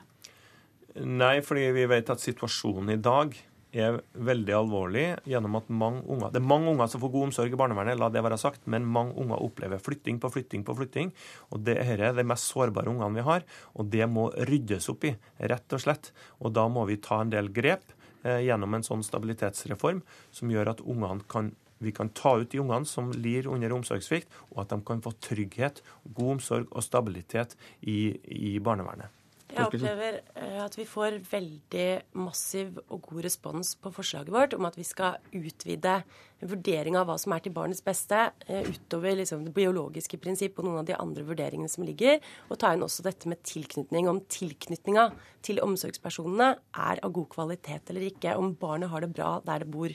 Eh, det har vært et massivt krav gjennom lang tid om at vi er nødt til å gjøre noe med det. At barn blir værende for lenge under uakseptable omgivelser. Og det er det vi nå gjør noe med. Takk skal du ha, barneminister Inga Marte Torkelsen og stortingsrepresentant Øyvind Håbrekke fra Kristelig Folkeparti. Du har hørt en podkast fra NRK P2.